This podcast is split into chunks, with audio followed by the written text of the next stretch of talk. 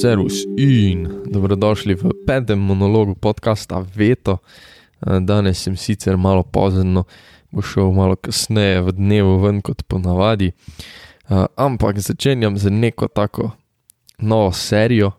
Eh, Tako da tu na začetku, mogoče en tak kratek uvod. Um, zdaj pač serija, to ne pomeni, da bo za naslednjih pet podkastov takih, ampak mislim, da se jih bo kar nekaj zvrstilo no, v prihodnosti, ker sem jaz v bistvu eh, veto zasnoval kot pogovore z zanimivimi ljudmi, um, pa teh pogovorov zadnje čase, ker spektakularno nino.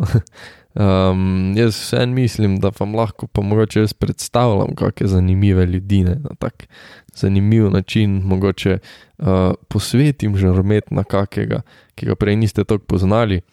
Uh, tako da mogoče, verjetno lahko rečem, serija nekih zvočnih portretov, audio portretov, zato bojo verjetno tudi športniki, no, uh, bomo do tja prišli za tiste, ki vem, da na naglih radi poslušate športnih delov, ki se jih je v podkastu Veto že kar nekaj nabralo, ampak pač to so neke znane osebe, mogoče tudi ne tako znane osebe, ko se mi zdi, da bi mogle biti bolj znane ali pa da bi jih mogli poznati.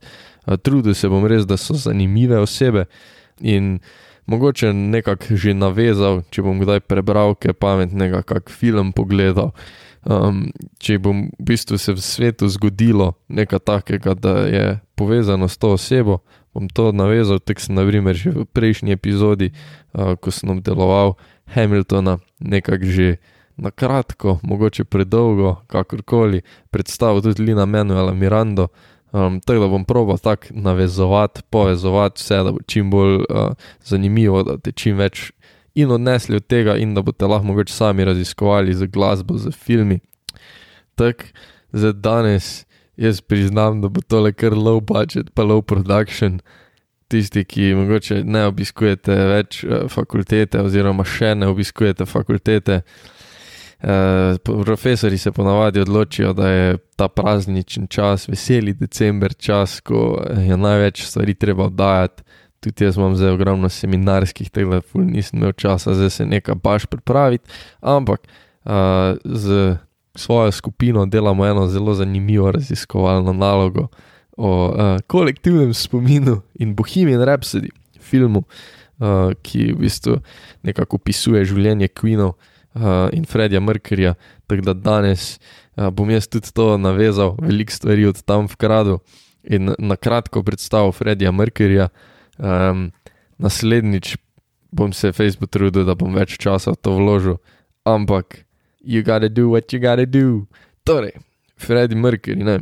Um, zdaj verjamem, da vas je večina ali da ste vsi gledali film Bohemian Rhapsody, uh, Remy Malik je tudi dobil Oscarja za glavno vlogo, ko je igral Freddyja Mercuryja.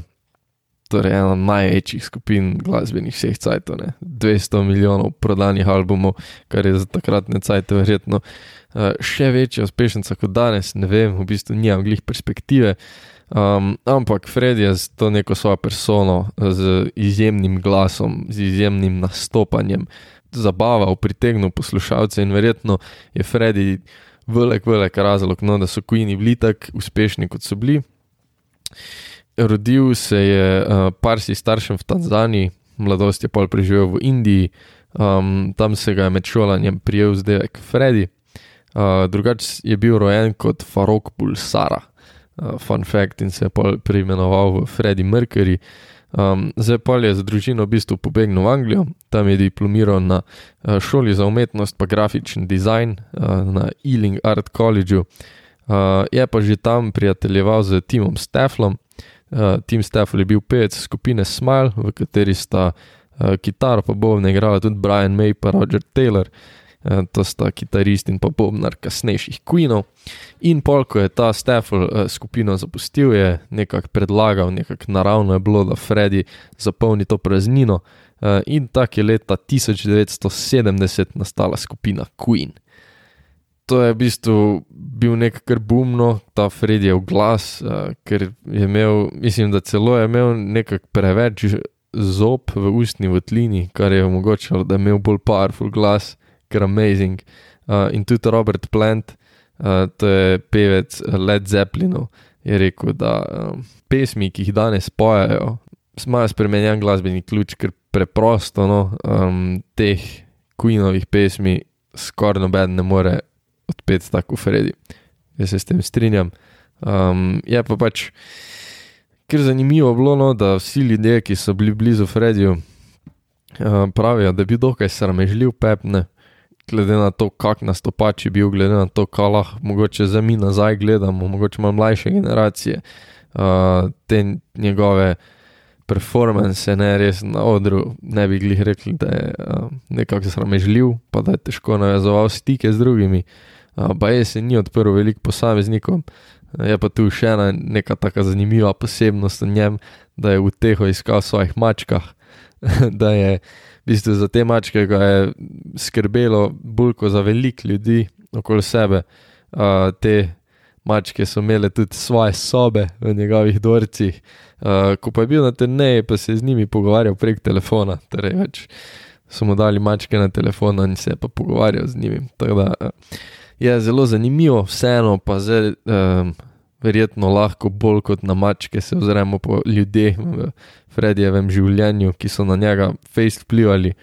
Uh, ena izmed največjih, to tudi kar zgodovinsko vela, se mi zdi, da je Mary Austin, to je njegova bivša uh, ljubezenska partnerka, ki pa se je pol v bistvu nekako, uh, ko je Freddy odkrival te svoje biseksualne pa homoseksualne uh, avanture, se je pač razvila v neko res dobro prijateljico in sta na koncu imela skoraj tak bratsko-sestrski odnos. Uh, Freddy je vedno govoril o Meri kot njegovi najboljši prijateljici in tudi o uh, ljubezni njegovega življenja. Nje je bila posvečena tudi uh, pesem Love of My Life. Tudi v bistvu ona je Freddyju zaupala. Tu imam celo en citat, ko se nisem prebral. Potrebovala sem dolgo, da sem se van zaljubila, ampak ko je bila ljubezen enkrat tam, ni bilo poti nazaj. Njegova bolečina je postala moja, njegova sreča me je osrečevala.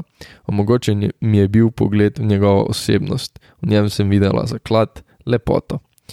Beautiful, ne? Eh, zdaj, Fred je sicer, kot sem že nekako napovedal, znan kot biseksualec, eh, zadnja leta svojega življenja je preživel predvsem v družbi moških. Eh, njegov zadnji, ampak precej resen partner je bil Jim Hutton um, ki je tudi Fredija opisal kot nekega takega zadržanega, pa tihega človeka. No.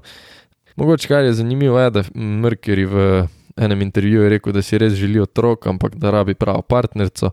Uh, je pa v bistvu tudi od te Mary Austin, um, sinu, je pač bil zelo blizu, je bil skoraj starševsko naravnan do njega, pravijo. Um, in je tudi to nekako doživel. Za kar se Queenov tiče, so izdali 23 albumov, od tega jih je bilo kar pet izdanih po Freddyjevi smrti. Uh, kot solist je posnel dva albuma z naslovom Mr. Bad Guy po Barcelona. Um, je pa v bistvu ta nek izjemen glasbeni opus, ne, je pomenil, da so pesmi snemali v eno, torej neprestano so bili v studiu, pol dodaš še tu turneje, ki so tudi šle v eno. Um, so nekako izgoreli, no bi jaz celo rekel to je na Frediju pustilo in fizični in psihični pečat, za uteho, nek mir, oziroma tak nek pobeg. Je iskal v drogah, pa ljubimcih, um, to je pol vodilo do okužbe z virusom HIV, ta se je kasneje razvil v AIDS, to zgodbo verjamem, da poznate. In tudi nekako je to precej vplivalo na skupino. Brian May, torej kitarist, je uh, govoril, da se kar niso mogli sprijazniti s tem, da se je Fredijo naredilo, da pač, da so vedeli, ampak da niso hoteli vedeti, nekaj v tem smislu. No. Ampak Freddy se tudi uh, med boleznijo ni ustavil, um, nekako celo je, po moje, uteho iskal v glasbi, v ustvarjanju. Žal je pač pol na koncu um, precej shiran tudi na zadnjih videih, posnetkih, ki so pač prišli v javnost. To tudi verjamem, da ste že kje videli. Zelo dolgo jo je skrival. Uh, je pa potem leta 91 v izjavi za javnost razkril, da ima AIDS in pa na to že dan kasneje, uh, pri starosti 45 let, umrl zaradi pljučnice, ker se pač um, ni, ni se mogel njegov imunski sistem boriti z njo. No. Zdaj, zapisal se je v zgodovinske knjige, to mislim, da se lahko vsi strinjamo. Um, je verjetno en bolj kultnih trenutkov, uh, koncertov, verjetno ga je tudi še ta film mal populariziral, se mi gre. Uh, ampak uh, to je verjetno koncert Live Aid. Leta 85 je sočasno potekal v Angliji, pa Filadelfiji, uh, zbirali so sredstva za žrtve lakote v Etiopiji, uh, pa je združil tako največje skupine sveta, no res velika imena.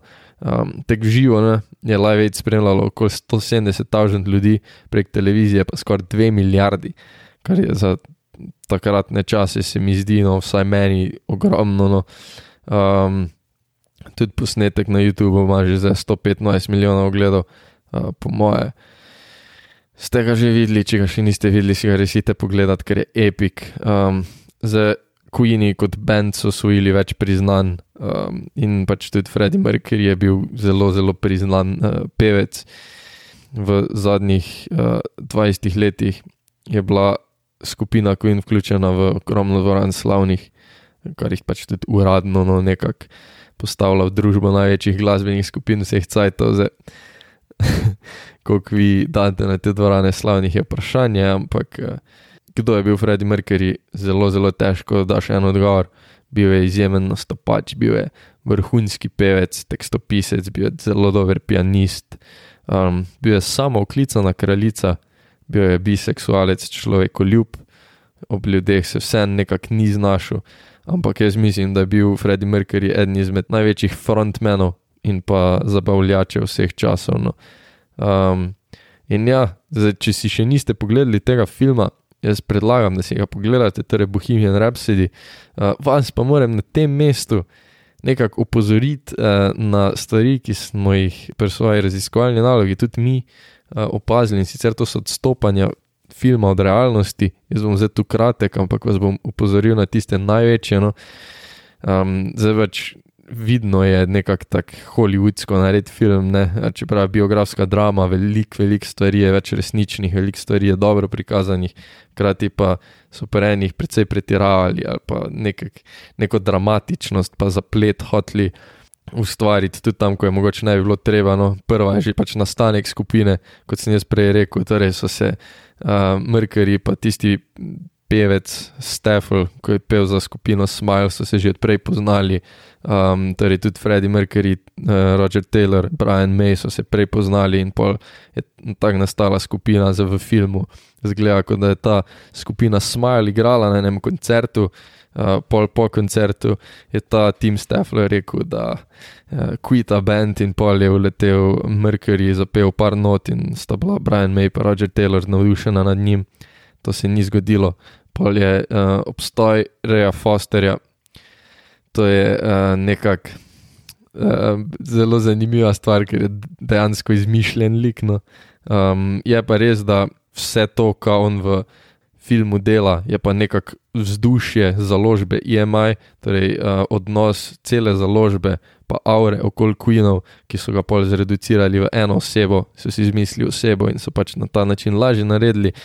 Um, pol tudi v bistvu poti menedžerjev z um, in Queeni in z Fredijem so mal potencirane, mal zmišljene, mal bolj dramatične, nič kaj tako groznega se ni naredilo, nič kaj preveč se niso skregali. Tudi kar se solo karijere tiče, um, pač v filmu je prikazano, da je to krivda, da so šli mal na pauzo. Uh, v resnici pač niti on ni prvi posnel solo albuma, tako da le desno. Tudi kak Jima Hotna spozna, um, torej tega zadnjega partnerja, v bistvu ga je spoznal v nočnem klubu. Tako da, mogoče si te neresnice še sami izgooglate na hitro, jaz verjamem, da vam bo jih hitro vrglo. No. Um, upam, da zdaj nisem tu preveč spojila za tiste, ki še niste gledali. Uh, ampak je, meni je bil dober film, meni je zelo zanimivo pričaral um, to v bistvu nekako nostalgijo Queenov, ki jih jaz nisem mogel gledati. No. Uh, prej sem že poznal sicer skladbe itak, ampak um, niso bili nekako redno v mojem repertoarju, pa so pol ratali, uh, moram pa pač še uh, tu sem pri eni neresnici, ki pa velja za to, kar je največjo no, v tem filmu, je, da je v bistvu Freddie Mercury pred Live Aidom zvedel za svojo diagnozo, torej da ima HIV oziroma AIDS. Uh, in pol je to povedal, pa je pol bilo ful dramatično, ne zdaj, ki je on tam performal, pa je vedel, da ima to bolezen, v resnici pač ni izvedel, ni izvedel diagnoze pred live aidom. Tako da uh, to je tako spet potencirano, pa spet bolj hollywoodsko, pa zapleteno narediti, kar sicer dodaja nekaj filmov, ampak ni pa vloglih resne. Um, tako da ja, na ta podcast nisem bil vrhunsko pripravljen, ampak um, vsaj mogoče malo je nakazalo, kaj pričakovati. Mogoče ste tudi danske novega zvedli, verjamem, da so pač Queeni tako veliki, da um, je veliko vas to že poznalo. Tako da upam, da vam je bilo kul, cool, upam, da vam bo všeč, bojo zanimivi ljudje, zanimive persone. To pa je to za danes in se čujemo naslednji teden, ajde.